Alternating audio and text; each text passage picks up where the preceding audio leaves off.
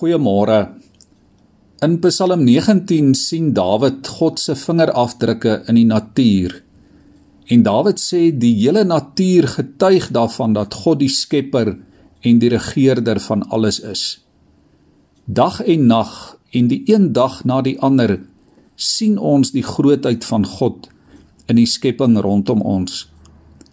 Dawid verwys na die son wat 'n teken is van God se skepingskrag die son wat lig gee en lewe en blydskap. Maar die son is nie self 'n god soos die ander nasies in Dawid se tyd gedink het nie. Dawid ontdek dat die son deel is van God se werke. En die son verkondig elke dag dat God die magtige, wyse, goeie God is. Hoor hoe mooi beskryf Dawid dit. Hy sê die hemelkoepel is soos 'n tent rondom die son en die son is soos 'n naloper wat elke dag sy wedloop van die een kant van die aarde na die ander kant kant toe voltooi. Die son skep 'n atmosfeer soos by 'n bruilof. Ons gaan vanoggend met Dawid saamstem, liewe vriende, dat die skepping ongelooflik en grootliks onverstaanbaar, kosbaar en spesiaal is. Ons aarde en ons natuur Die natuur rondom ons is soos 'n godgeskape wonder. Dis vol wonderwerke.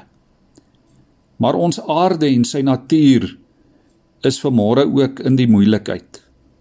Ek hoef nie ver oggend uit te brei oor die vlakke van besoedeling en oorbenutting waaraan ons planeet blootgestel word nie.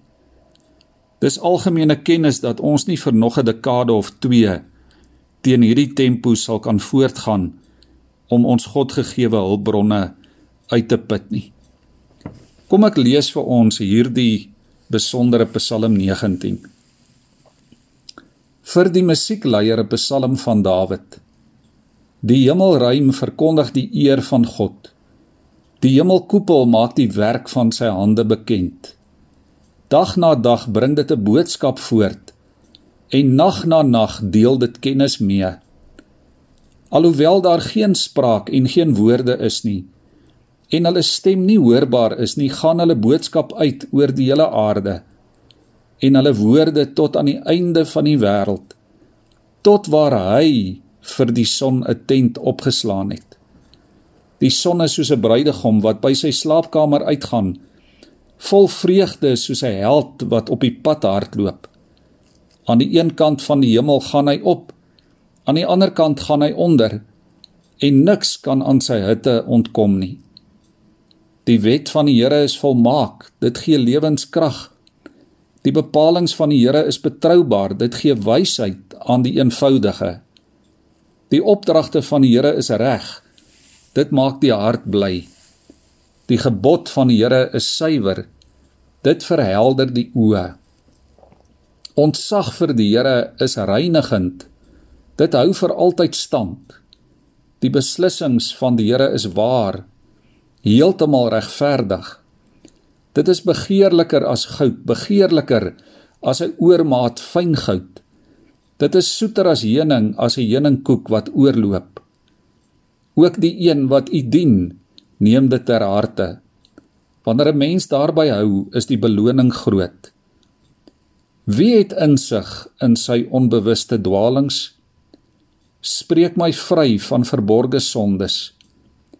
Weerhou ook u dienskneg van vermetelheid. Laat dit nie oor my heers nie. Dan sal ek onskuldig wees en vry van ernstige oortredinge. Laat die woorde van my mond en die bepeinsing van my hart vir u aanvaarbaar wees, Here, my rots en my verlosser. Dawid sê hierdie skepping, hierdie aarde, die natuur rondom ons is soos 'n baie spesiale kunswerk. En God is die kunstenaar daar agter. Maar Dawid ontdek nog 'n belangrike waarheid en daarvan getuig hy in hierdie Psalm. Dawid sê as jy 'n kunswerk bestudeer, het jy nog nie noodwendig die kunstenaar leer ken nie. En Dawid ontdek dis belangrik om die kunstenaar te ontmoet om hom te leer ken. Dis belangrik om 'n verhouding te hê met die Skepper van die natuur en die aarde en die heelal. En ons leer hom ken deur sy woord. Dawid sê: "Die woord van die Here is volmaak, dit gee lewe. Die woord gee insig en wysheid. Dit gee aan ons lewe hier op aarde koers en vastigheid. Dit gee blydskap. Dis soos 'n skat met baie meer waarde as goud." Die woord wys ook vir ons waar ons verkeerd is en wanneer ons verkeerd optree. Dit help ons om verantwoordelik te lewe sodat ons hierdie aarde ook namens God reg kan bestuur. Liewe vriende, jy en ek weet ook vanmôre dat die woord van God mens geword het in Jesus Christus. Dat hy onder ons kom woon het. In Jesus se voorbeeld sien ons presies wat verantwoordelikheid beteken. In verhouding met Jesus leer ons die kunstenaar persoonlik ken en kan ons in liefde en met genade leef soos wat God dit van ons vra. As ons vandag soek na handleiding om hierdie aarde verantwoordelik te bestuur en te benut, is God se woord daardie handleiding. Kom ons bid saam. Here ons bid vanmôre dat U in ons en in mense harte 'n nuwe liefde sal wakker maak vir U woord.